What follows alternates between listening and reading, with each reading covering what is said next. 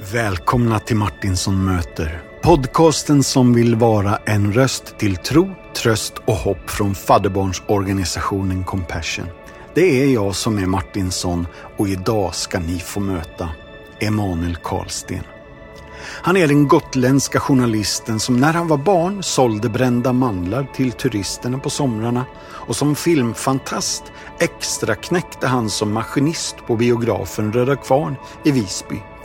Han var en ivrig dansinstruktör som lärt kidsen dansmoves till DC Talk och Carmen både här i Norden och i Lettland. Han är kvicktänkt och innovativ vilket ledde honom till en tvist med domaren i Vi i femman. Emanuel har bland annat jobbat på tidningen Dagen, Dagens Nyheter, Expressen, Sveriges Radio med mera, med mera. Han är krönikör i Göteborgs-Posten och Sändaren och under coronapandemin vann han både Stora Journalistpriset 2020 och Stora Kommunikationspriset 2021 med motiveringen med egna krafter och idéer har Emanuel lyckats värdera och utmana stora aktörers kommunikation under pandemin. Hans klarsynta rapportering i digitala kanaler har uppmärksammats kontinuerligt av både stora mediehus, myndigheter och mediakonsumenter. Han är pappa till två fina kids och han är gift med Julia och familjen bor i Göteborg. I dagens podd så är vi säkra på att ni får höra något om Emanuel som ni säkert inte visste innan. Nu kör vi!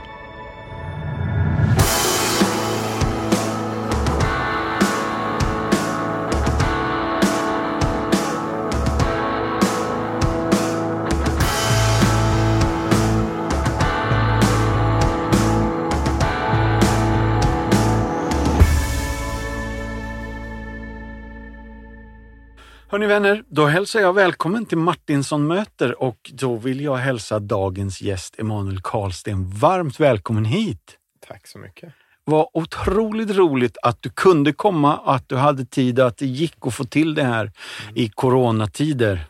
Ja, mm. väldigt roligt för mig att komma. Eh, jag sa det när vi såg så här att det är ju, det kanske inte hör till podden till, men, Kör på. Ja, för det är ju smickrande för dig det jag ska säga nu.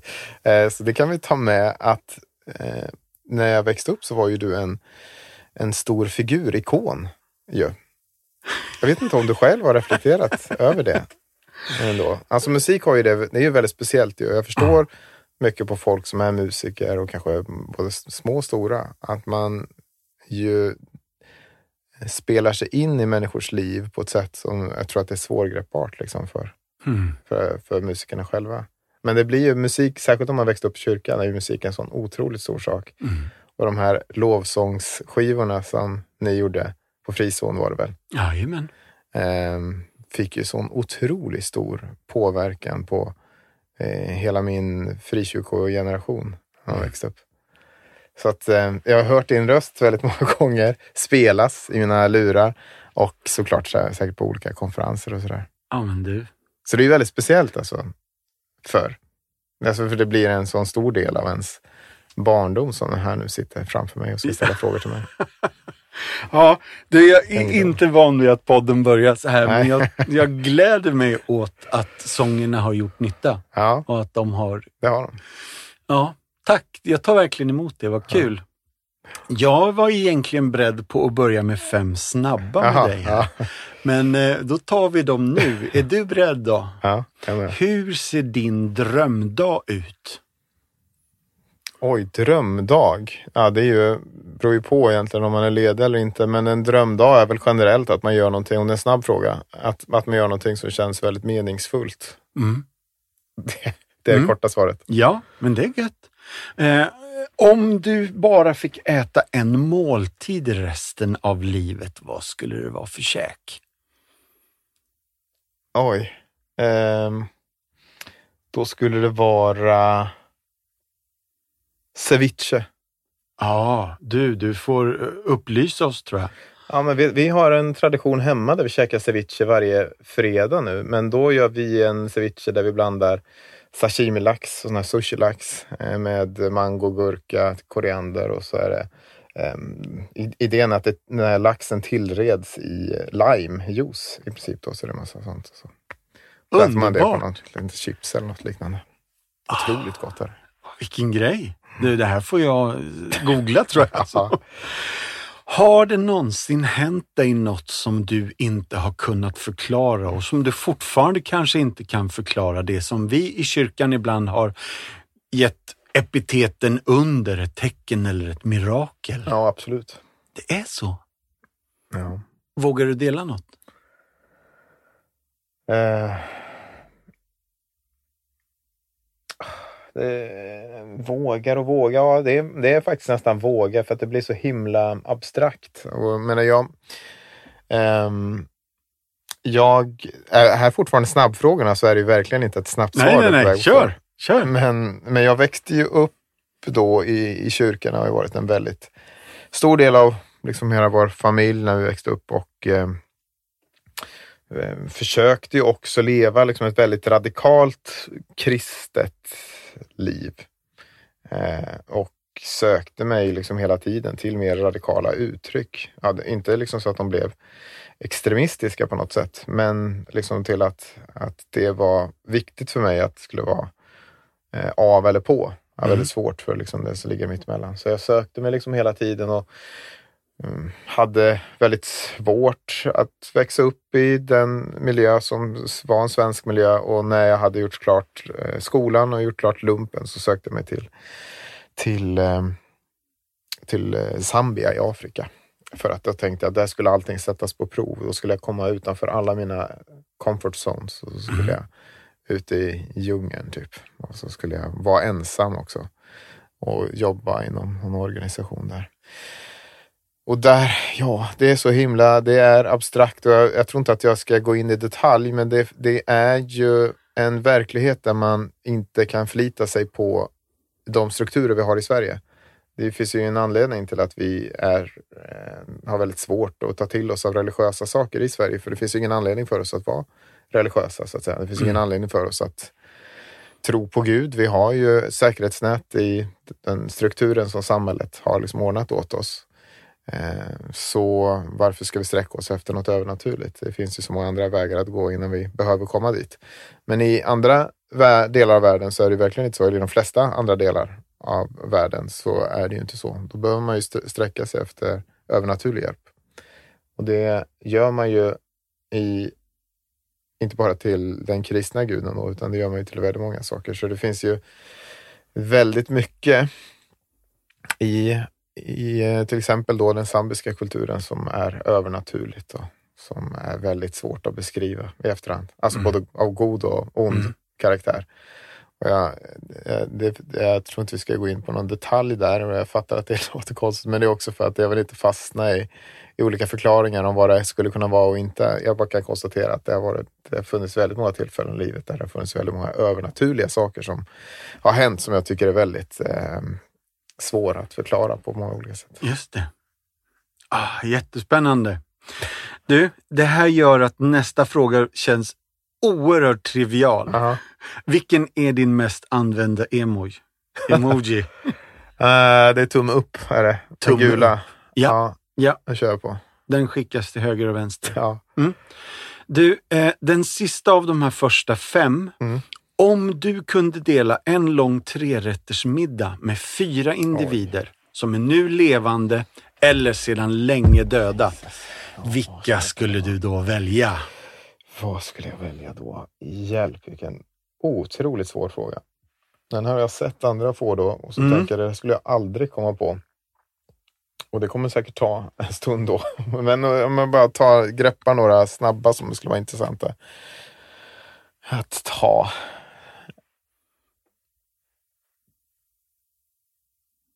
Så gick ju inte det så snabbt. Det är ingen brådska. Eh, ja, nej men det, Jesus skulle ju vara intressant att prata med såklart. Mm. Gärna Paulus också om vi ska hålla oss till bibliska figurer. Mm. Han verkar vara en spännande person. Har väl aldrig träffat Jesus va? Nej, inte, inte i den meningen att de sågs fysiskt eh, ja. sådär på jorden. Han har ju sett Jesus på Damaskusvägen. Okej, okay. eh, just det, du menar den, den här uppståndne, gestalten. Ja. ja var det Jesus också då? Ja, Jesus eh, pratar vi lite med han där. Jag, är den du förföljer. Sådär. Ja, just det. Ja. Ja, eh, ja men det är ändå spännande att någon som eventuellt då har bara haft det där konstiga mötet den Ja. har så otroligt stort inflytande över kyrkan. Det skulle vara spännande att höra Jesus och Paulus diskutera lite det. Just det. Även Jakob, om vi nu håller oss till bibliska figurer. Jakobs brev är, är min favoritdel av, av Bibeln. Vad just. kul! Ehm, Vill du lägga ut lite radikal- varför? Nej, Jag vet inte, han verkar, han verkar vara lite mer cynisk lagd än de andra. Inte cynisk, lite mera krass kanske. Japp. En väldigt fin del av Bibeln är ju när han talar om att livet är en rök som syns en liten stund och sen inte mer. Just Det det. vet jag inte hur ofta jag citerar den Nej. delen. Jag tänker på det väldigt ofta och inte minst då ju i det här evighetsperspektivet att han, som Bibeln ändå försöker ge, så är han så lakonisk eller så melankolisk eller liksom, Mm. ja, livet är livet. Vi, syns en, vi är en rök som syns för lite stund sen är vi, är vi inte mycket mer. Mm. Det är ju väldigt lite sånt man hör om man är i kyrkan i övrigt. Just Då är det ju hur otroligt värdefull och viktig man är i världen och vilken påverkan man har. Ja. Men han var, var ju mer av att vi är lite rök. Jag tycker att det är så fantastiskt på något sätt. Eh, han får gärna vara med där och bidra med lite så här bitskhet och bitterhet kanske. Och sen så ska vi ha någon kanske nutida då.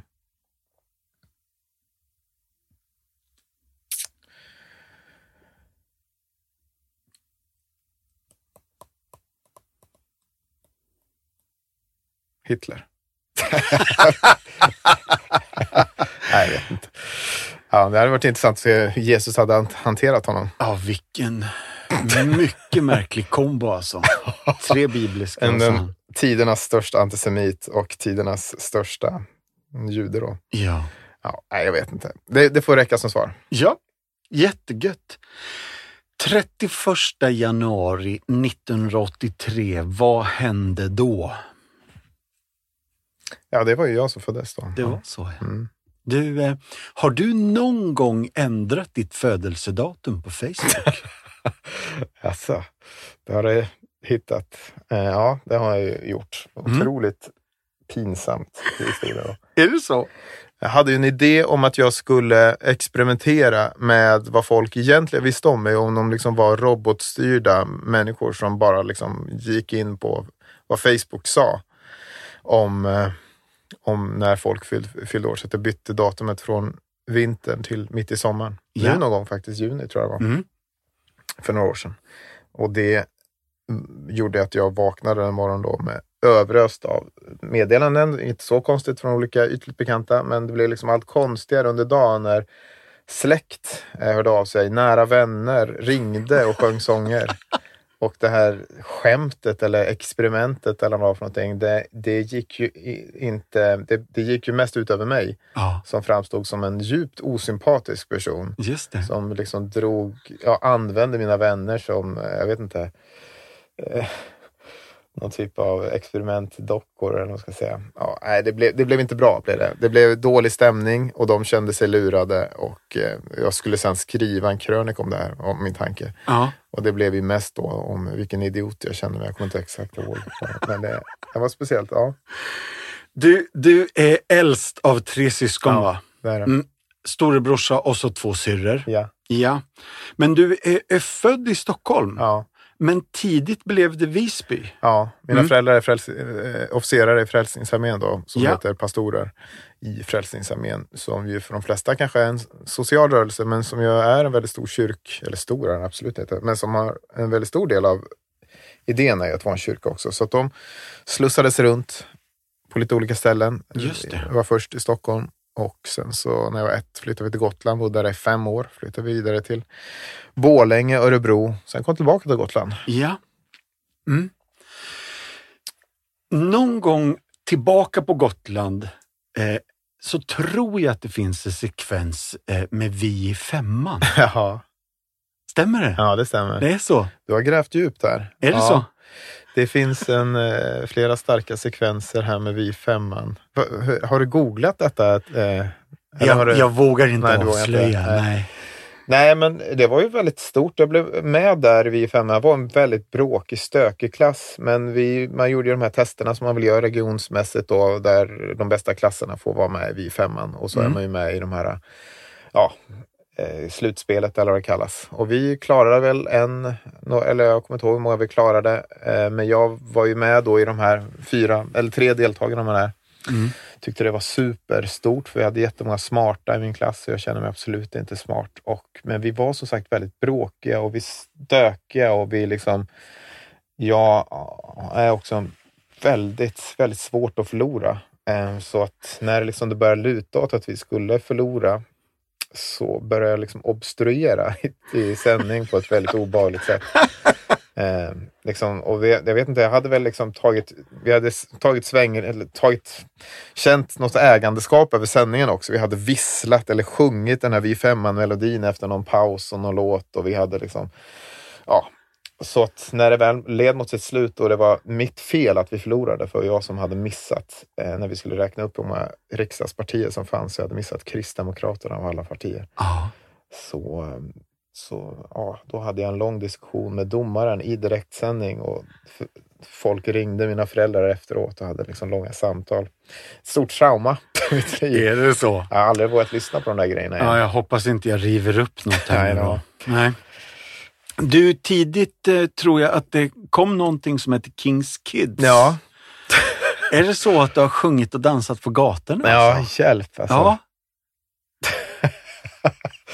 Det är verkligen deep cut här. Ja, så är det. Det är verkligen så att mina föräldrar då eh, var eh, djupt involverade i den delen av eh, den kristna rörelsen som ja, bland annat hade Kings Kids som gick ut på att man sprang ut på gator och torg i Sverige och skulle evangelisera. typ. Just Och det gjorde man med genom dans i princip. Så Ja. det var en väldigt, det blev ju konstigt nog ab- Absolut ingen dansare, aldrig tyckte det var kul, men det blev en, en ganska stor del av mitt liv. Mm.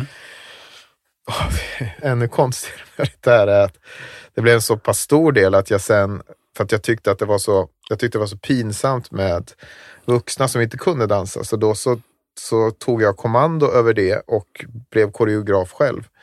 Eh, och började sen göra olika typer av danser som blev så uppskattade, eller jag vet inte, att jag liksom reste runt i både Sverige och Norge och Lettland Lettland har jag hört, ja. Ja. ja.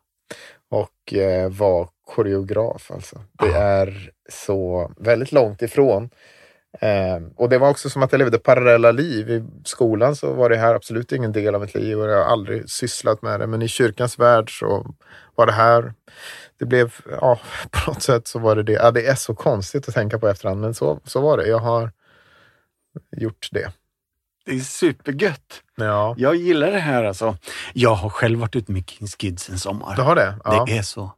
Fast det var på 80-talet. Så Ja. då sjöng vi mycket minns jag. Ja, Okej, ja, det var inte så mycket sånger Nej. för oss. Nej. Nej, ja. Men, nej, men de var ju, det var ju väldigt betydelsefullt, eh, de här typerna av ska man säga, sommarläger och sånt som, som det där var. Man lärde sig mycket om sig själv och gruppdynamik och allt möjligt. Mm. Eh, Men ja, Om jag skulle vilja ha ett sommarjobb på Gotland, eh, vad skulle du tipsa mig? Ska jag köra knäckäpplen Ja. eller ska jag köra brända mandlar? ja. Du eh, behöver inte välja, utan du kan ju ta båda. Men Ah. jag eh, valde inte heller, men jag valde till sist brända mandlarna. Nej, ja, du, du syftar ju då på mina sommarjobb. Jag växte upp i Visby då. En stor del, största delen av mitt liv har ju varit där. Innerstaden, stenkast från Almedalen. Ehm, och på eh, somrarna så är det ju medeltidsveckan där också. Mm. Så var det en kompis som gick runt och sålde knäckäpplen. Jag var Mm. kanske 12 år eller någonting och han var kanske 13-14. Och eh, jag tyckte att det var ju ett himla bra sätt. Eller han berättade att han tjänar pengar på det helt enkelt. För Mm. jag hade aldrig haft ett sommarjobb. Så jag gick till konkurrenten och frågade, kan inte jag få sälja dina knäckäpplen? Sådana kanderade äpplen med lite kokos på. Eh, ja, okej. Eh, ja, jag, kan, jag kan fixa en planka och så kan jag sätta dem här och så kan jag gå runt. Och, och så gjorde jag det. och så blev det mitt jobb och så sa han kom tillbaka nästa år och så gjorde jag det och då skulle, sålde jag både brända mandlar och så sa han kan du inte åka upp till Fårö och sälja brända mandlar i kö där? Så gjorde jag det. Och sen insåg jag att han fick ju alla pengar i princip. Jag fick Ja. bara lite. Så då så eh, dumpade jag honom och ställde mig i köket och gjorde mina egna brända mandlar. Med lite kompisar också va? Ja, det här blev ju stort med åren. Det här Ja. började då när jag kanske var 13 och eh, jag insåg då att den största marknaden var ju inne på medeltidsveckan. Särskilt inne på turnerspelen. Mm. Men dit hade man bara access om man stod och hade något stånd där. Eh, så att då så tog jag killen som hade knäckäpplen så sa jag, kan sälja knäckäpplen för dig här. Och sen så gick jag hem och så kokade jag egna brända mandlar och sa till grannbarnen, följ med mig här, jag har fått pass in i turnerspelen. Så då så gick jag med de officiella passet för knäckäpplena och så hade jag mina egna små knattar som gick in och sålde brända mandlar som jag tjänade ju 20 gånger mer på. Ja. Så att hela min uppväxt så var de här brända mandlarna en väldigt central del av min eh, eh, inkomst. Medan de andra i klassen eller i skolan liksom jobbade en hel sommar på olika semester, var nu kvar för någonting, boenden. Så jobb, behövde jag bara jobba en vecka och så hade jag hela sommarlönen klar. Liksom. Det var, Yeah. finansierade allt. Eh, cyklar, datorer, allt. Mm. Åh, vad gött. Du, Röda Kvarn i Visby, Ja. berätta lite. Ja, ja, jag har varit en... Eh, eh, alltid älskat film väldigt mycket och sam, samlat på film, eller man ska säga, hade en sån otrolig, går som ett röd tråd, grandios själv, eller idéer eh, om att jag skulle jag spelade in allt som gick på tv och skapade ett bibliotek som skulle vara det största biblioteket, inte i världen kanske, men i grannskapet i alla fall, över film. Och så hade jag liksom långa listor med betygsatt som man kunde se och liksom bläddra, som att det nästan var en hyrbutik av all film. Ja. Ja, så det här var väldigt stort och min högsta dröm var ju då att få jobba på en biograf som man kunde få se på film. Mm. Så jag gick dit och sålde in mig själv och fick eh, jobbet som maskinist då. Och det är så på den tiden så var det bara en salong, så det var i princip att man rev biljetterna så gick man upp och tryckte på start på en maskin som man hade gjort i ordning innan och så kunde man sätta sig och kolla på filmen med lite popcorn. Jag var en usel maskinist däremot. Jag är väldigt dålig på såna här mekaniska mon- monotona arbeten. Jag vill alltid hitta sätt att ta genvägar eller göra någonting bättre eller snabbare. Så att jag hoppade liksom, jag, slarvade ofta med väldigt mycket, gjort så mycket dumma grejer. Eh, Så typ det värsta tror jag var när vi hade Sagan om ringen. Eh, Oj, minns du detta då? Alltså? Ja, alltså det här, är, det här är också apropå R som du tar upp här nu då. Körde vi den, eh, massa gånger vi kört och då på den tiden så var det liksom stora eh, tallrikar med film, alltså sån här 35 mm film som, som låg på och snurrade och sådär. Eh, men den, var, den är så lång den så man måste lägga den på två. Mm. Och eh, så sitter vi i alla fall där och tittar. Jag sätter mig också i salongen och tittar och så helt plötsligt när orcherna håller på, vad de nu gör för någonting, så dyker Hugh Grant upp i ett kök. och så fattar jag ingenting. Och ingen fattar någonting heller. Det tar kanske tio sekunder innan liksom de börjar, första buropen börjar komma och jag springer upp och inser då att jag har satt på Om en pojke som var en annan film i Ja! eh, hade just då råkat sätta på liksom fel. Ja, det har varit så mycket sådana grejer. Jag har liksom dragit på filmer bak och fram och jag har, eh, de har, liksom, det har blivit, de har smält den här liksom, filmen har smält framför ögonen på publiken för att jag har liksom gjort fel. Det, jag, jag är inte bra på sådana grejer. Jag ska aldrig jobba på ett band eller i någon industri eller med pengar heller tror jag det för den delen. Men eh, jag är bra på andra kreativa saker. Du, det är väldigt roligt att du delar det här. Har det funnits någon studiecirkel i filmtittande? Ja, det har det gjort ja. Ja, Okej. och man satsade en hel del på godisinköpen här. Ja. Precis, här är ju då Precis, nej men det var ju det som jag sysslade med. Jag försökte hitta filmer och hitta sätt att finansiera att man kunde hyra filmer och sätta sig och titta på det. Och så fick man ju pengar om man gjorde det som studiecirkel och då kunde man ju liksom tjäna pengar till och med på att se på film. Det är så mycket sneaky grejer som man har gjort i sitt liv. Fy vad gött. Ja, Eh, Rickard Steffen gymnasiet, hette det det? heter det. På Gotland. Sävegymnasiet var delat, uppdelat i olika, ja. Just det. Och det, det var samhällsvetenskaplig CV. Ja. Ja. Och är det något webbforum och Mm. hette det Pärleporten? Nej, det gjorde Nej. inte. Den hette Kjellvar. Eh, men. Pärleportalen var ju Frälsningsarméns Ja. eh, intranät. Det var ett roligt namn på det. Mm. Men Kjellvar var ett intranät och det var liksom min första introduktion till internet egentligen. Eller inte internet, men till sociala gemenskaper på nätet. Ja. Eh, och jag slukade det rakt av. Jag gick totalt in i det. Jag älskade att diskutera Mm. saker och det här var liksom en portal där vi kunde det var uppdelat i olika ämnesområden för det här stora gymnasiet. Det var 2000 elever Mm. och musik, religion, vegan, veganism, eh, allt möjligt. Och jag älskade att kasta mig in i saker som jag inte förstod och som jag inte hade en åsikt om och skapa en åsikt om. Mm. Mm. Det blev väldigt viktigt verktyg för mig i att dels lära mig diskutera, argumentera, Mm. men också förstå vad digitala gemenskaper kan betyda i positiv och negativ bemärkelse. Just det. Jag förstod det nästan som att ni som kompisgäng hjälpte varandra i debatten. Att här Mm. kan du mer och här kan jag mer. Och så liksom. Falanger, ja. Ja, Mm. Jättecoolt. Eh, NHL, Dream Team, ishockeyligan, USA och något som heter Mellangatan. ja. Känner du igen det här? Ja, men precis. Det var ju en, också en del av den här tävlingsinstinkten. Nu börjar jag förstå vilka du har pratat med här då, men eh, att eh, ja, men såna, man kunde skapa sådana, vad kallas det, Dream Team-lag då? Alltså sådana fantasy-lag där man Mm. satte ihop spelare och eh, eh, var ju inte egentligen att jag var särskilt intresserad av hockey, men jag var intresserad av att vinna. Och så att jag la ju väldigt mycket tid på att sitta och följa NHL och hitta de bästa spelarna och skapa olika lag då som man Mm. tävlade med sina vänner med. Ja. Just det.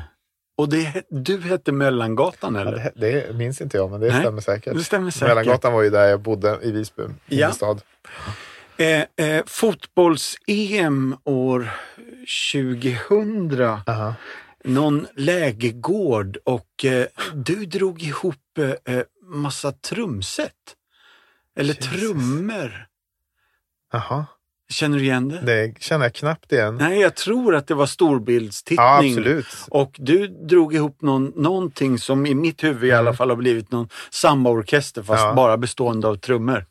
Ja, För du är trummis va? ja det är trummis. Det är så? Ja, eh, ja. Nej, jag vet inte. Det, vi var ju ett gäng där just i kyrkan som ja, gjorde saker tillsammans. Så det, det låter superrimligt. Jag vet inte varför jag taggar igång så mycket på landskapsmatcher, apropå EM som kommer nu här. Men det blir ju väldigt viktigt och det, gjorde vi säkert. Ja. Hade något sambatåg eller något. Mm. Stämmer det att ni åkte till Tunisien, sju killar, en månad efter 9-11? Ja, hjälp, var det det? Var det en månad efter 9-11? Ja, tydligen. Det har jag inte ens reflekterat Nej. över. Men eh, ja, det gjorde jag. Mm. Ja, ja, det var fint. Ja, Ja. jättegött. Det är, det är rätt så oskyldigt också. Ja. Bara, Nej, men nu drar vi. Ja. Tunisien. De har blivit anklagade, men dit ska vi. Ja. Ja. Eh, något webbforum som heter Blod och eld. ja, precis. Det var det ju. Den var ju väldigt stor. Eh, Jag hade kommit hem från den här Zambia-resan och eh, börjat jobba på Frälsningsarmén där mina föräldrar liksom hade haft bakgrund och var ja, eh, och då vad kan det ha varit 2004 kanske någonting. Så var ju, så fanns det ju inte någon Facebook. Det fanns ju inga digitala communities överlag. Nej. Det var det där Kälvar som jag hade varit med om då. Ja. Eh, och jag såg väl att det lilla samfundet Frälsningsarmén, eh, de ungdomar som fanns, det fanns en jättemöjlighet att kunna mötas online. Och eh, blod och eld är ju Frälsningsarméns ska man säga, slagord. Och också om man går till grunden vad det handlar om, någonting väldigt häftigt. Eh, och då hette forumet som jag fick eh, tillstånd om ska säga, att skapa eh, så och samlade tusentals eh, på, på nätet för att ja, ha kontakten, diskutera viktiga saker. Så det som det var i internets barndom. Ja. Jag jobbade med det i, skapade, jag och en kompis eh, som fick då någon slags tjänst för att bygga den här sajten och moderera och liksom driva den. Prehistoriskt Facebook. Är det här du blir eh, ungdomskonsulent Ja. på något distrikt Det var- och flyttar till Stockholm Ja, och har en lägenhet som Frälsis Ja, förser dig med? exakt. Så att det var ju precis, det var då allt det här hände. Ja. Eh, Jag var ungdomskonsulent kallades det och eh, såg det här behovet och så blev det. Eh, Det var det jag fortsatte att jobba med sen då. Mm. Eh, Det blev ju egentligen starten till den här, ja, eller det hade väl varit som en röd tråd innan också, mycket rör det digitala, men att, eh, att jag såg styrkan i vad, vad som händer när man för samman människor och Mm. vad man kan göra. I den här, nu är jag framme vid eh, 2007 i alla fall och Kaggeholms folkhögskola. Mm. Är det nu det blir tydligare med journalist... Eh, Nej, det hade faktiskt varit det väldigt länge. Har, min första, kallas det prao när man hade det ja, på mellanstadiet till och Mm. med, var på eh, Gotlands Allehanda. ah, Så att jag hade, jag hade liksom, ja, det är ju svårt att säga när man var mitt i det, men när man tittar tillbaka så har det verkligen gått som en röd tråd. tråd. Likadant på högstadiet när jag hade prao så, så var jag tillbaka där, eh, jobbade på, eh, praoade på sporten på Gotlands Allehanda. Och, och när jag försökte komma in på, eller när jag kom in på gymnasiet så ville jag hemskt gärna gå någon medialinje, men det fanns inte. Jag valde alla media till val man kunde göra. Så, där. så att det allt, hade alltid legat där, men det låg också väldigt otillgängligt. Det kändes som att det var eh, man skulle behöva gå på JMK och vi hade varit där på någon sån här studiebesök och det bara kändes fy, det här är det tråkigaste. Ska jag syssla med det här i två år och hålla på och plugga? Innan, jag ville ju skriva och påverka och göra bra grejer. ja. Och eh, jag eh, eh, hade släppt det där med journalistdrömmen. Jag var för skoltrött. Jag skulle aldrig klara allt det där. Så 2005 när jag höll på med de här olika sajterna och så där så blev blogga väldigt stort. Mm. Så då så startade jag en blogg och på bloggen så började jag allt eftersom också snubbla över nyheter. Om man ska säga. Så att jag hade börjat skriva nyheter och också insett att det här nyheterna, eller skriva saker i alla fall, som uppmärksammades av medier. Och då så blev det som ett kvitto på hur man kunde påverka, kanske utan att behöva gå den här långa tråkiga utbildningen. Och eh, också gav mig lite blodad tand. Just det, men det var det här jag ville syssla med. Det var ju liksom det här skrivandet och påverka och förändra saker och göra det ena och andra. Så jag använde då min, mina bloggposter som eh, eh, arbetsprover, om man ska säga, till eh, Kaggeholms folkhögskola där jag hade hittat då att man kunde gå en praktisk utbildning ett år.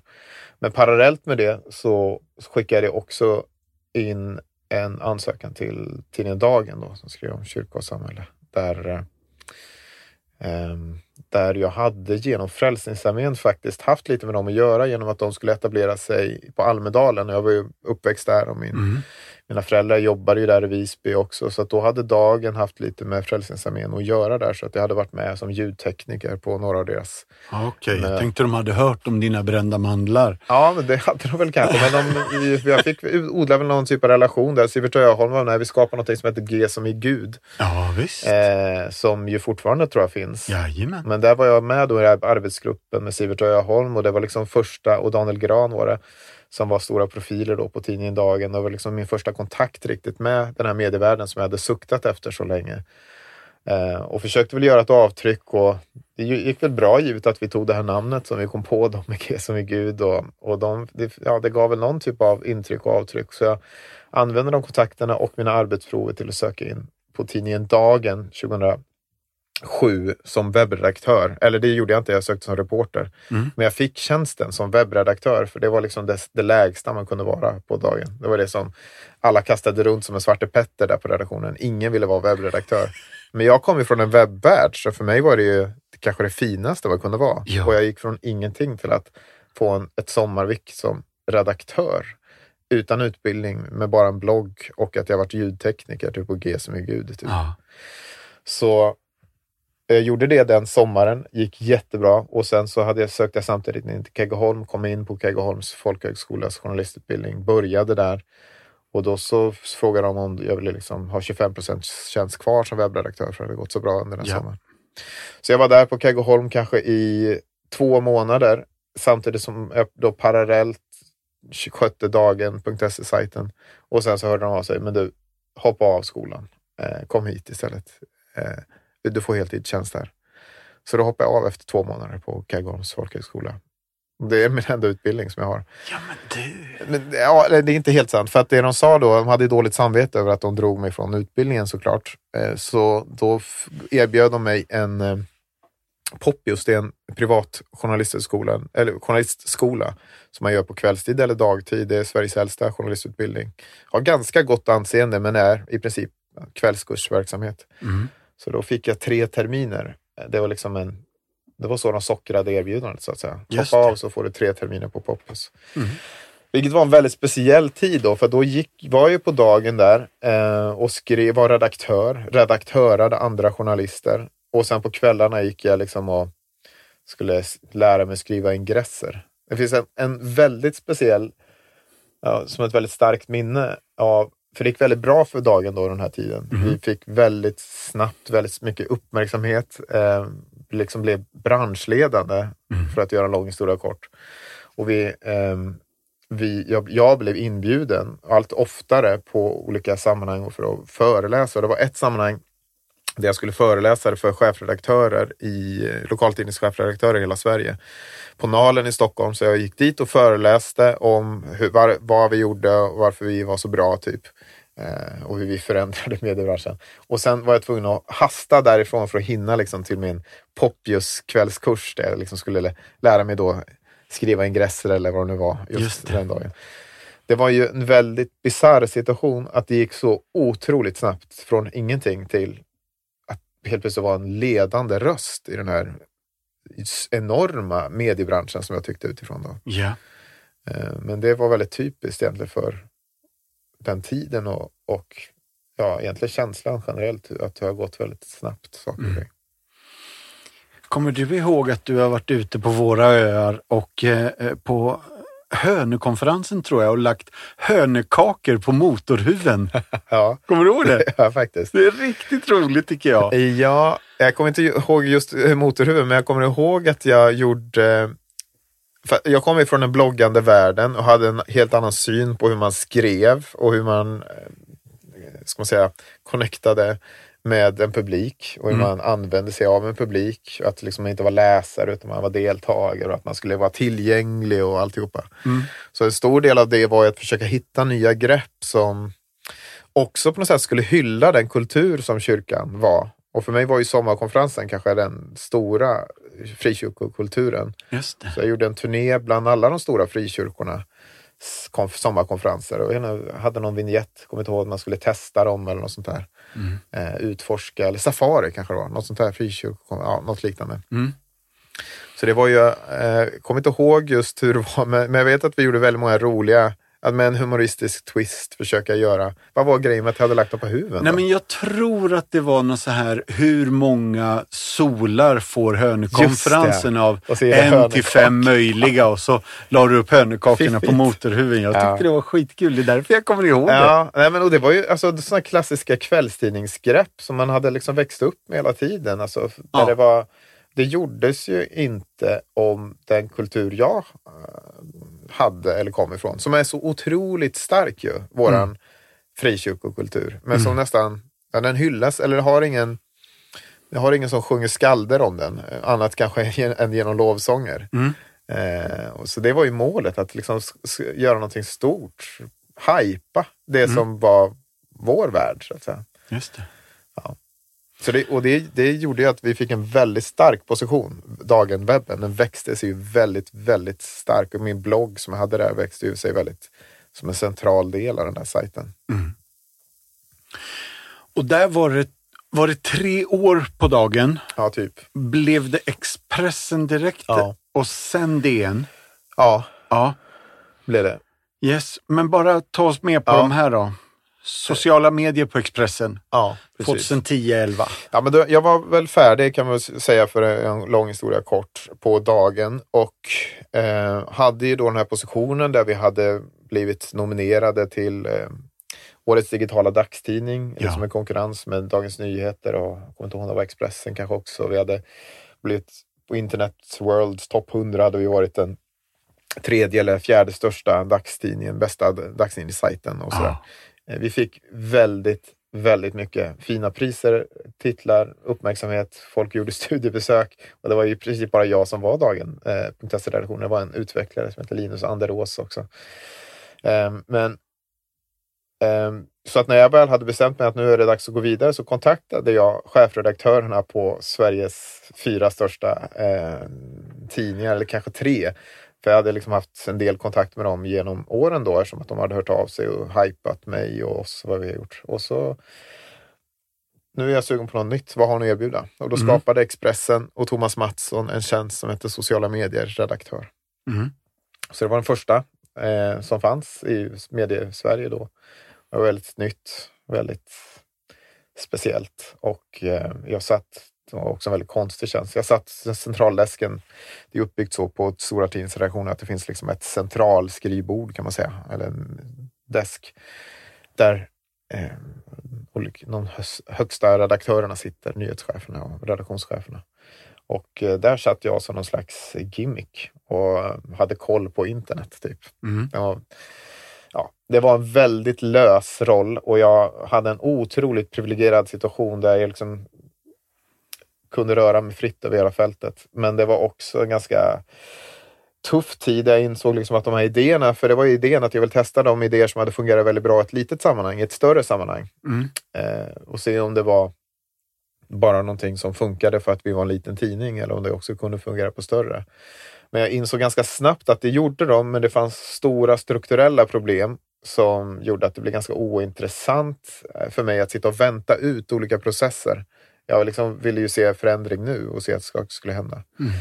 Så ganska snart så insåg jag att det här, det här, jag kommer dö här. Alltså jag kommer, jag kommer krevera. Jag liksom mådde fysiskt dåligt över att, liksom, att bara sitta och vänta. Jag ville att saker skulle hända nu. Jag ville att det skulle, vi skulle se effekt. Jag ville att vi skulle göra bra. Så jag sa upp mig efter ett drygt år och eh, satsade på någon slags frilansverksamhet. Och då kom, precis efter jag sagt upp mig, så hade jag träffat någon som på DN så frågade jag ah, vad vill du göra då? Så hade jag väl sagt jag vet inte, vad, men ja, jag är öppen liksom. Och så hörde han av sig eh, någon dag senare och sa du skulle vilja bli nyhetskrönikör i Dagens Nyheter. Och då blev det mitt första frilansgig i den här eh, nya frilansverksamheten. Det blev som en grundplåt. Så fick jag skulle skriva varje vecka eller varann, varannan kanske, jag kommer inte ihåg. Fritt om vad jag ville. En nyhetskrönika i A-delen i Dagens Nyheter då. Och det var ju drömmen. Det var ju det som jag hade drömt om, som jag trodde var ouppnåeligt, som jag trodde att var anledningen att jag liksom inte kanske skulle satsa på journalistyrket. Att, eh, att det var så mycket annat trist man skulle behöva göra. Men här fick jag det som jag liksom längtade efter. Att skriva i Sveriges största, eh, viktigaste tidning i alla fall, eh, om det som jag tyckte var viktigt, Mm. fritt, i en egen kolumn. Eh, och hade ett kontrakt med tre månaders uppsägning och jag tänkte varje gång jag skickade in och de inte hörde av sig efteråt och sa du det här Emanuel, nu, nu räcker det tack.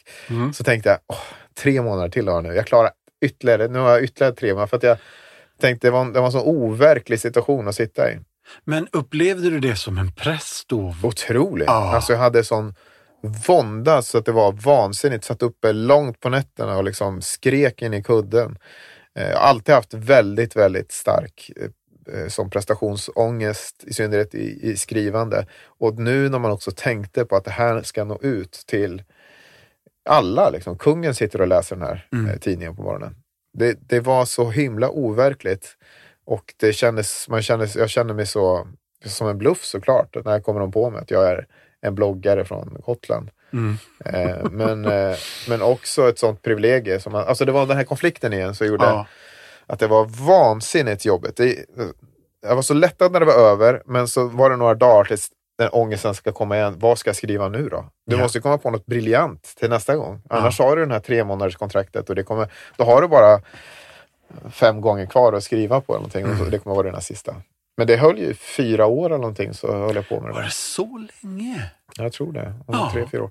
Men sen flyttade jag till Göteborg och det var väl också delvis en anledning, men det var väl också att det var dags kanske. Men, eh, Var är vi nu då tidsmässigt? ja, men jag började 2010 på, på DN eh, och det var ju bara en grundplåt. Och sen gjorde jag en massa andra frilansjobb. Jag jobbade för Aftonbladet. Eh, de hyrde in mig ganska snabbt efter jag slutade på Expressen och ville plocka in mig som konsult för att bygga eh, livegräv. Eh, det vill säga de, ska, de gör varje år två, tre stora granskningar som de satsar väldigt mycket pengar på och nu ska de göra det digitalt. Så jag hyrdes in som en konsult i hur man skulle kunna göra det tillsammans med läsare, så som vi hade gjort på dagen kan man nästan säga. Mm. Så vi byggde liksom, plocka in utvecklare, liksom fick bygga mitt eget team och vi fick plocka de bästa reportrarna och fotograferna. Så fick jag bygga en egen team som skulle bygga den här sajten som skulle publicera allting i realtid och plocka in läsarkontakter och läsardata. Det var superavancerat och vi skapade en, en modell för det och vi gjorde väl tre granskningar och de blev Guldspaden nominerade och allt vad det var. Mm. Eh, så det gjorde jag parallellt och höll på med en tid. Jag skapade en ny sajt som hette Ajour. Det blev väldigt, en väldigt speciell tid.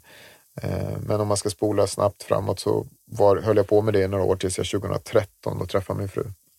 Flyttade vi till Göteborg. Just det. Ni förlovade er 2013. Julia träffade du på ett media-event. Ja, på Twitter träffade jag henne faktiskt. Aha. Väldigt random.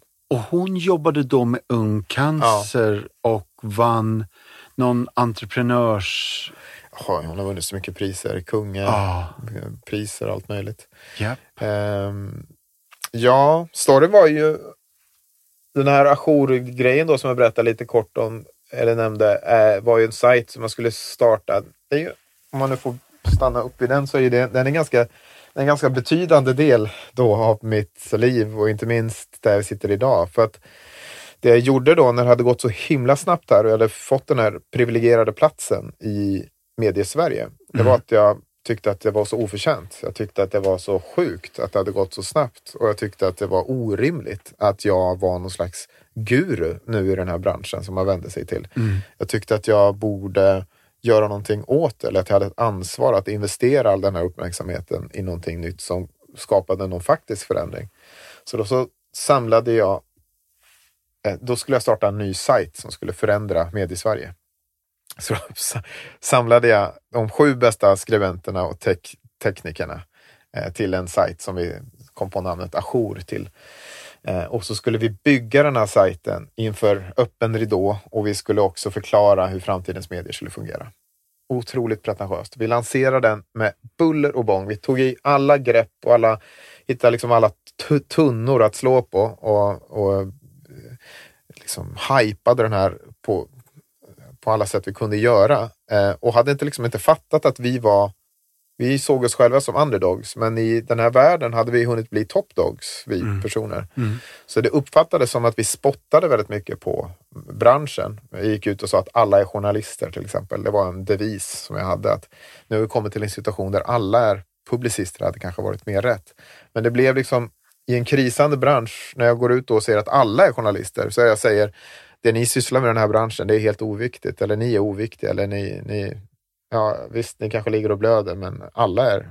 Ja, du vet, det blir bara konstigt. Så jag fick otroligt mycket skit och den här lanseringen av sajten, TV4 hörde av sig, vi skulle släppa den i Nyhetsmorgon på morgonen, det blev jättestort och vi fick otroliga mängder kritik av etablissemanget, om man ska säga, i mediebranschen. Aha. Det blev väldigt, väldigt tufft för mig som hade varit förberedd på att jag skulle provocera. Det var hela idén. Men det är lättare att tänka det i teorin än i praktiken. Just det. Och det var ett ideellt projekt. Vi hade ingen tanke på en pengar. Vi skulle bara liksom starta något som skulle mm. visa en poäng. Liksom. Um, och vi körde på där ett tid, men det blev eh, supertufft för mig för jag började också inse att jag hade investerat allting i arbete eh, och väldigt lite i någonting annat. Jag hade ett nätverk av kontakter och hade liksom en position och sådär. Men vad hände då liksom när alla de här äggen sprack? Då hade jag inget att falla tillbaka på. Jag hade inte byggt upp något familjeliv eller något privatliv eller egentligen några nära vänskapsrelationer heller. Jag hade fokuserat på att göra skillnad, avtryck, komma framåt i den här världen antar jag. Um, så att det blev existentiellt på ett eh, ja, det blev djupt existentiellt allt, efter, allt mer, allt eftersom tiden gick. Och man började liksom ifrågasätta vad man sysslar med och vad man är på väg och hur man ska fördela om sitt liv. Och i det läget då så råkade jag snubbla in i Julia på Twitter. Mm. Eh, som verkligen bara var en slump. Och så visade det sig sen att vi skulle vara på samma konferens några dagar senare. Och den kvällen så klickade vi bara på något sätt. Jag skulle åka till Indien dagen efter och föreläsa för stora tidningshus i en månad. Eh, så att eh, jag gjorde det och så hade jag en väldigt dyr telefonräkning när jag kom hem eh, och Julia mötte mig i Stockholm. Och dagen efter, när vi, för då firade midsommar med mina vänner och sen dagen efter så följde jag med henne till Göteborg, firade hennes födelsedag med hennes familj. Ytterligare en vecka senare så åkte jag till Almedalen. Hon bodde hemma hos oss med min familj. Eh, eller hon bodde, han träffade dem i alla fall. Så inom en vecka så hade vi gjort det som andra kanske tar ett år att göra. Vi hade en relation där jag hade, vi hade träffat varandras familjer och alla varandras vänner. Mm. Och så var vi ett par och ett år senare så var vi gifta, hade ett barn, köpt en lägenhet i Göteborg och en bil. hade köpt. Yep.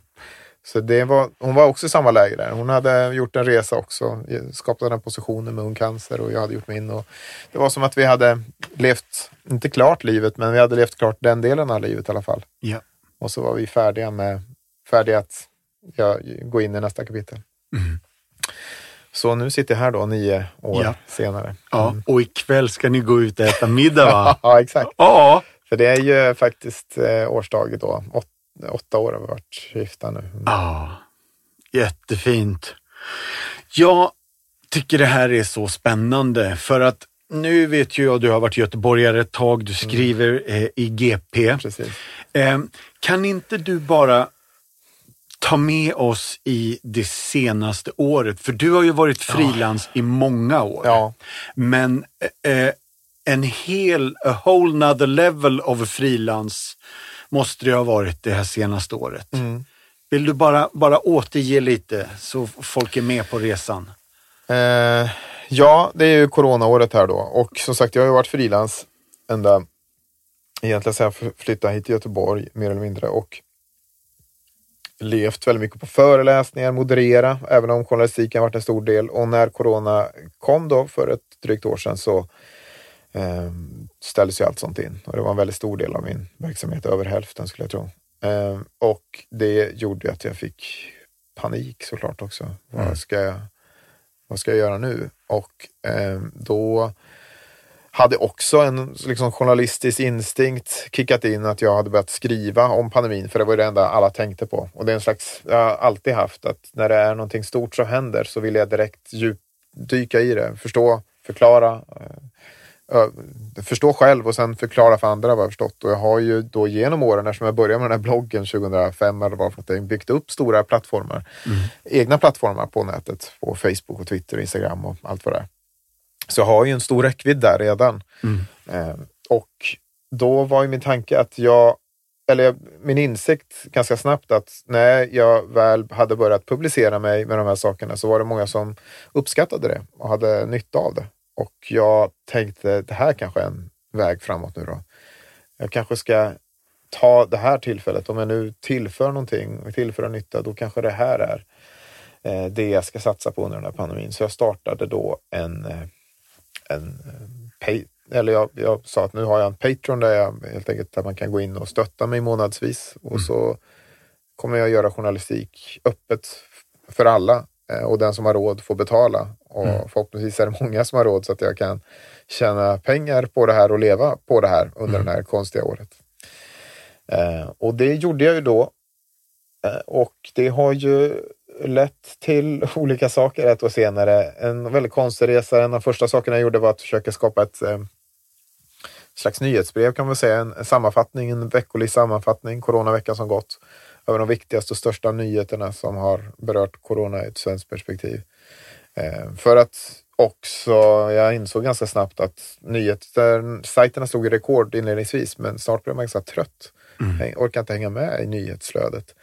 Men kanske kunde man läsa en fem minuters sammanfattning eh, för att ha koll på det senaste i alla fall.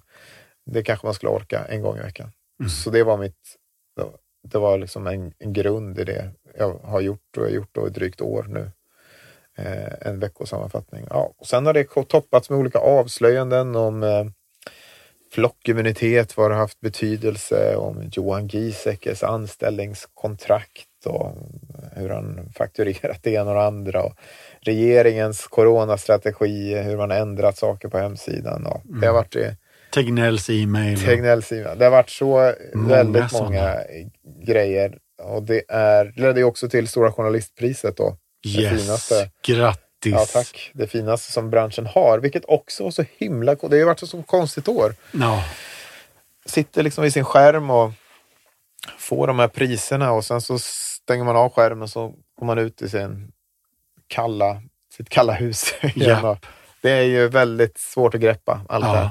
ja, Avtryck. japp, Men ja, det är ju vad året har handlat om. ja.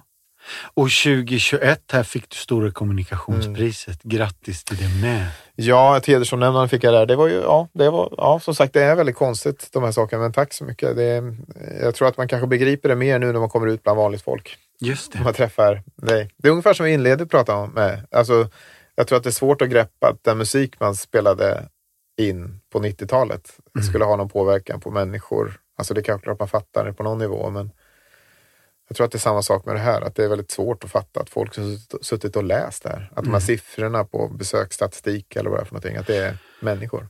Bara ge oss något exempel på lite besöksstatistik också då. Oj, ja. Alltså man kan ta en av de största artiklarna som jag skrivit någonsin tror jag i mitt liv. Det handlade om en om överdödlighet och hur man skulle förstå den i ett historiskt perspektiv. Eh, där eh, jag studsade lite vid att eh, SCB, de här som samlar statistik över Sverige, sa att ja, det har varit den dödligaste månaden, eh, mars-april tror jag förra året, Mm. på många år. Ja, ända sedan år 2000. År 2000, vad var det som hände då? Eh, det var ingen som minns någonting som hände då. December, januari. Ja, och då så fr- frågar de, ja jag vet inte, men vi har en annan gammal pensionerad statistiker här. Han vet. Och så ringde jag Åke som eh, visste absolut och berättade, ja både 93, 94 och 2000 var ju dödliga och det var ju influensan. Eh, då dog det väldigt många gamlingar helt enkelt. Men det var Ja. ingen som brydde sig om dem. Eh, det har liksom accepterats i många, många år innan vi fått influensavaccin, att det har dött så många. Det är ju en, en parentes, men den, det perspektivet som försökte förklara de här olika sakerna, de blev, det blev otroligt stort. Det blev väldigt viktigt just då, kanske som någon slags Verkligen. eh, tröst. Eller någonting. Så den, bara den artikeln eh, tror jag att har lästs av, eh, jag tror att det är 350 000, 400 000 eller någonting. Ja, Det är väldigt ovanligt för en enskild artikel. ja. Eh, Men generellt, är, räckvidden har ju varit enorm eh, under den här perioden som sagt. Och, eh, jag har, det handlar om hundratusentals varje vecka och fortfarande är det väldigt ja. stort. Så. Och varje måndag gör du en sammanställning och det är inte Ja. bara i text utan du gör en... Nej, jag läser upp den i video och ljudform mer som en tjänst. Det är Ja. för de som hellre vill sitta och lyssna så här till exempel. Ja, och för de av oss som är lite synskadade. Absolut. Väldigt tacksamt. Mm. Riktigt bra. Mm. Det här är så spännande för att det här är ju, precis som jag inledde med att säga, whole nother level av eh, liksom egen journalistik. Mm. Och den har ju eh, synligen haft en oerhörd god påverkan. Mm. Och nått ut till kund helt enkelt. Mm. Så det är väldigt spännande. Du har ett tilltal, ett språk, ett sätt att förmedla det här som är liksom meddelbart. Mm. Och det är riktigt viktigt för oss när, det, när det blåser så mycket som det har gjort de här åren. Mm. Gött. Ja. Tack. Tack. Ja, Mm. tack. Hörni friends, då är det dags för mig att bara ta några minuter och berätta lite om Compassions arbete i fält. Och jag ska göra det genom att berätta en berättelse. Och jag vill bara stryka under, den här handlar om en kille som heter Christian och det här är en sann historia. Hur osannolikt är detta? Efter att i 26 år ha trott att hans fars familj hade dödats under folkmorden i Rwanda 1994 så återförenades det tidigare fadderbarnet Christian med sina släktingar. Detta vackra möte hände efter att Christians historia publicerades på Compassion Canadas blogg. I artikeln berättar han om hur hans far dödades och deras hem förstördes när han bara var en liten pojke. Det här medförde att han inte ens hade ett fotografi av sin far. Det var något han längtade efter desperat. Mirakulöst nog kom hans fars bror över artikeln och tog kontakt omedelbart. Farbrodern trodde att hela Christians familj hade dött under folkmordet. När jag träffade Christian första gången, då var det som att träffa min bror igen, säger Passish, hans moster. De ser så lika ut och jag kramade honom så länge och jag ville inte släppa taget om honom. Jag är så tacksam till Compassion eftersom de inte bara tog hand om min brorson genom att skicka honom till skolan och tillgodose hans behov. Nu har de också återförenat oss som familj. Inte bara fick Christian tillbaka familj som han trodde att han hade förlorat, utan han fick också något som han trodde var borta för alltid. Ett fotografi på sin pappa. Jag fick äntligen hålla i en bild av min far, säger han. Jag blev så förvånad att det fanns en sån slående likhet mellan oss. Idag arbetar Christian som radiopresentatör och tv-ankare och är ett välkänt namn i Rwanda. När det i år är 27 år sedan folkmordet skedde så ger hans berättelse ett hopp till andra överlevande att det fortfarande är möjligt att återförenas med sin familj trots årtionden ifrån varandra. Vill du hjälpa ett barn likt Christian att växa upp, komma loss ifrån fattigdom genom Compassions arbete? Just nu är behovet av nya faddrar mycket stort. Och för 310 kronor i månaden så understöder du ett barn holistiskt, vilket innebär vi jobbar på fyra sätt. Ekonomisk hjälp med mat, kläder och skolavgift. Fysisk hjälp, vaccinationer, hälsokontroller, sport och fritidsaktiviteter. Social hjälp. Våra centrum fylls av kärlek, omsorg och uppmuntran. Andlig hjälp. Vi sticker inte under stolen med att vi gör det vi gör i Jesu namn. Så därför har vi åldersanpassad söndagsskola, vi läser Bibeln och sjunger sånger om Jesus med barnen. Vi vill gärna att du blir fadder. Barnen behöver dig. Barnen i vår värld är i behov av din insats just nu. Så gå in på vår hemsida www.compassion.se, signa upp dig direkt och bli fadder till ett barn idag. Det kanske är så att du redan har ett fadderbarn.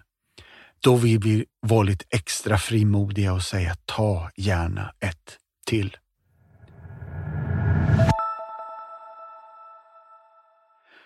Nu då, nu är jag klar med min berättelse Emanuel. Vad, vad, vad tänker du? Eh, om jag tänker om det där? Jag drar direkt parallellen till jag är, har varit eh, god man eh, här i den här flyktingvågen som kommer nu 2015. Så signade jag upp mig och var god man och har därmed också följt med en kille från det godmanskapet till att också vara hans vårdnadshavare ett extra barn nästan. Ja. Övningskör med honom just nu. Mm. Svensk medborgare. Nej, men och han hade ju en liknande situation. Han kom hit som 12 år gammal, skickades iväg av sin mamma. Hade ingen kontakt med mamma för att tappa bort telefonnumret och telefonnumret eller telefonen och telefonnumret till mamman fungerar inte längre. Så de hade ingen eh, kontakt i många år, visste inte om, om ingen av dem visste om någon andra levde eller inte. Mm så letade vi upp dem och så fick de återförenas eh, för något år sedan. Här. Det är ju så, allt det där ger ju så himla starkt perspektiv till den, det otroliga överflöd som man lever i här. Jag har lite svårt också att förhålla mig till det nästan. Ja. Um, jag menar, du ber folk här nu ställa upp för 300 kronor. Och det, det är nog de, en majoritet som inte absolut inte kommer göra det. Nej. Det är så himla och jag kommer inte heller göra det. Och det säger så mycket om mig också på något sätt. Eh, hur den som har mycket absolut inte ger mer. Och det, jag vet inte. Men eh, jag tycker att det är en, en ganska svår del av, av, av en själv, alltså en, av människan, hur, hur vår karaktär är. Att vi, är Mm. så, vi har på många sätt, inte en universell lösning, men vi har en individuell lösning ganska nära till hands många gånger. Att göra detta för någon. Men vi styr liksom bort den instinkten att vilja göra det. Eftersom vi tycker att det inte hjälper det generella problemet kanske. Nej. Ja. Men du, vart var det du åkte när du åkte till Afrika? Zambia. Jag tror att det var en kille som förlorade sina föräldrar. Va? Mm. Du klev in i hans liv. Mm. Du såg till att han fick någonstans att bo, va? Ja, vi, eh, precis. Ja, han bodde i en under... Vad är det han har hittat för något plåk, plåtskivor som han bodde i? Det var en kompis till mig som hade honom som kompis. Ja. Det var en fantastisk person. Eh, och det var liksom omöjligt att inte känna väldigt starkt för honom. Eh, och så då eh, hjälpte vi honom. ja. Eller ja, man har vi har ju mycket rika människor här i Sverige så det var inte så svårt att samla ihop några tusen lappar för att någon Nej. skulle, om det blir ett väldigt tydligt case på det viset. ja. Men var det inte, vad, vad heter det här? Det, det är någonting, det är ett ord framför robbing. Inte grave robbing, utan det är någon, Robbing-stil, vadå? Alltså att eh, innan robbing.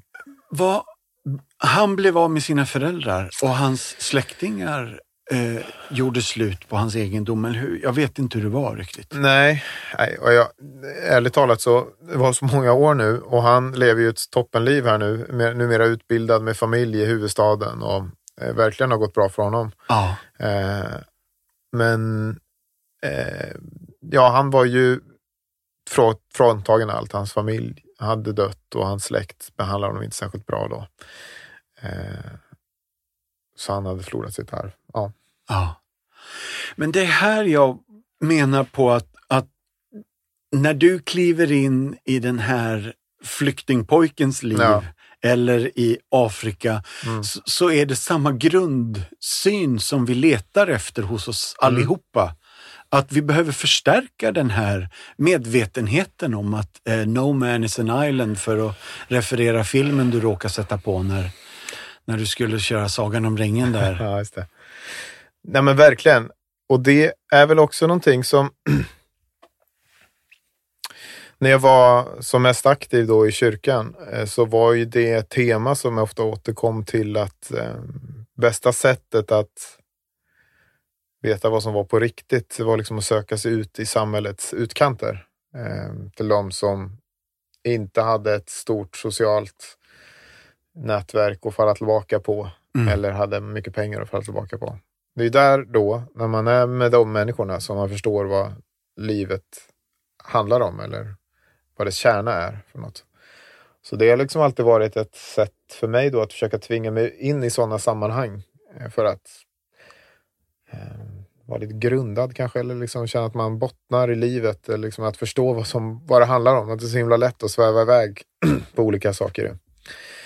Eh, att söka sig helt enkelt till de som har det svårast. Eh, och, eh, och, och, och, och, och såklart då eh, försöka hjälpa i de individuella fall man kan, men också sätta sin egen roll i, i liksom större pers- sin, eget, ja, sin egen roll i ett större perspektiv, vad det, vad det handlar om alltihopa. Mm. För det är lite samma grundtanke, för du gör det väldigt konkret genom att hjälpa den här människan ur hans, hans direkta akuta situation. Eh, den möjligheten har inte alla att kunna göra så. Nej. Men det jag tänker kring fadderskapet är att på riktigt så kan jag hjälpa någon på andra sidan jordklotet och ha en direkt kontakt med den människan via fadderskapet. För det är så, man är, man, i Compassion så ger man inte bara pengarna rakt in i en stor pott, utan det fadderbarn man har, det är man direkt kopplad med.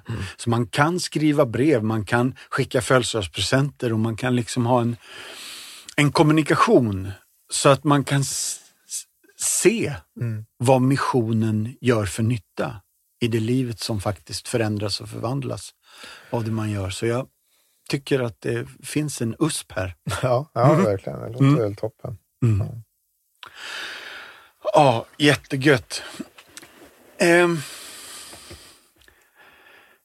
för det, det jag kan tycka är problemet är att, att ibland så gömmer svensken sig bakom att det här med fattigdomsbekämpning är så abstrakt ja. och det hålls på ett sånt högt och stort universellt plan.